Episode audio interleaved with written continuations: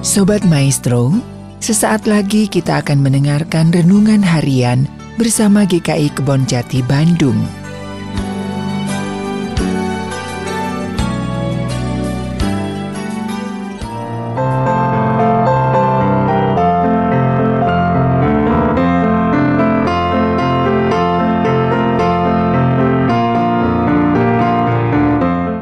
Saudara sekalian, jumpa kembali dalam renungan harian GK Kebon Jati hari ini. Tema renungan kita hari ini ialah apa pilihanmu?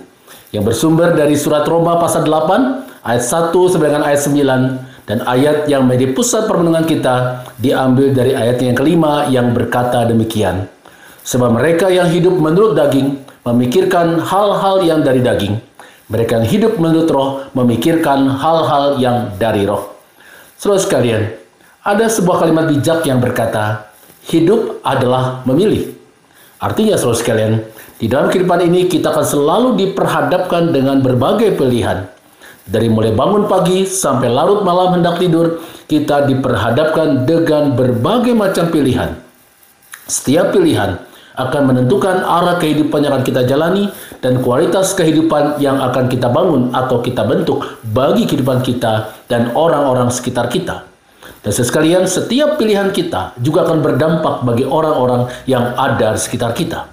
Sebab itu, saudara sekalian, kita harus bijak dalam menentukan pilihan dan keputusan yang harus kita ambil. Surat Roma pasal 8 ayat 1 sampai dengan 9 juga berbicara tentang pilihan yang akan menentukan arah hidup dan kualitas kehidupan seseorang. Roma 8 ayat 1 sampai dengan 9 memperhadapkan kita pada dua pilihan, yaitu hidup dalam roh atau hidup dalam daging.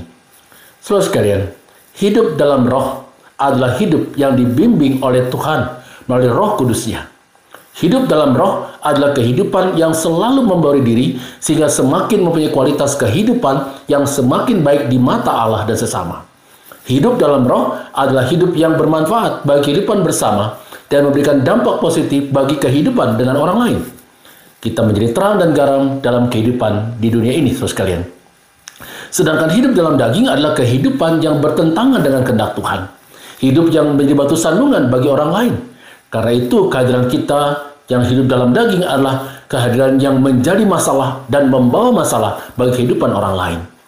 Hidup dalam daging adalah hidup yang selalu merasa diri benar dan paling benar kita sangat egois.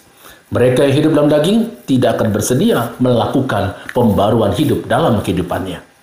Saudara sekalian, di hadapan saudara terdapat pilihan. Hidup dalam roh atau hidup dalam daging.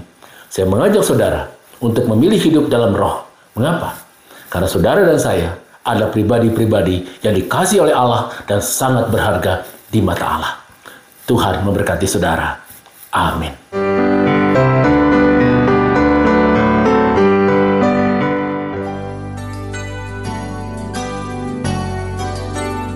Sobat Maestro, baru saja Anda mendengarkan renungan harian bersama GKI Kebon Jati Bandung. Tuhan Yesus memberkati.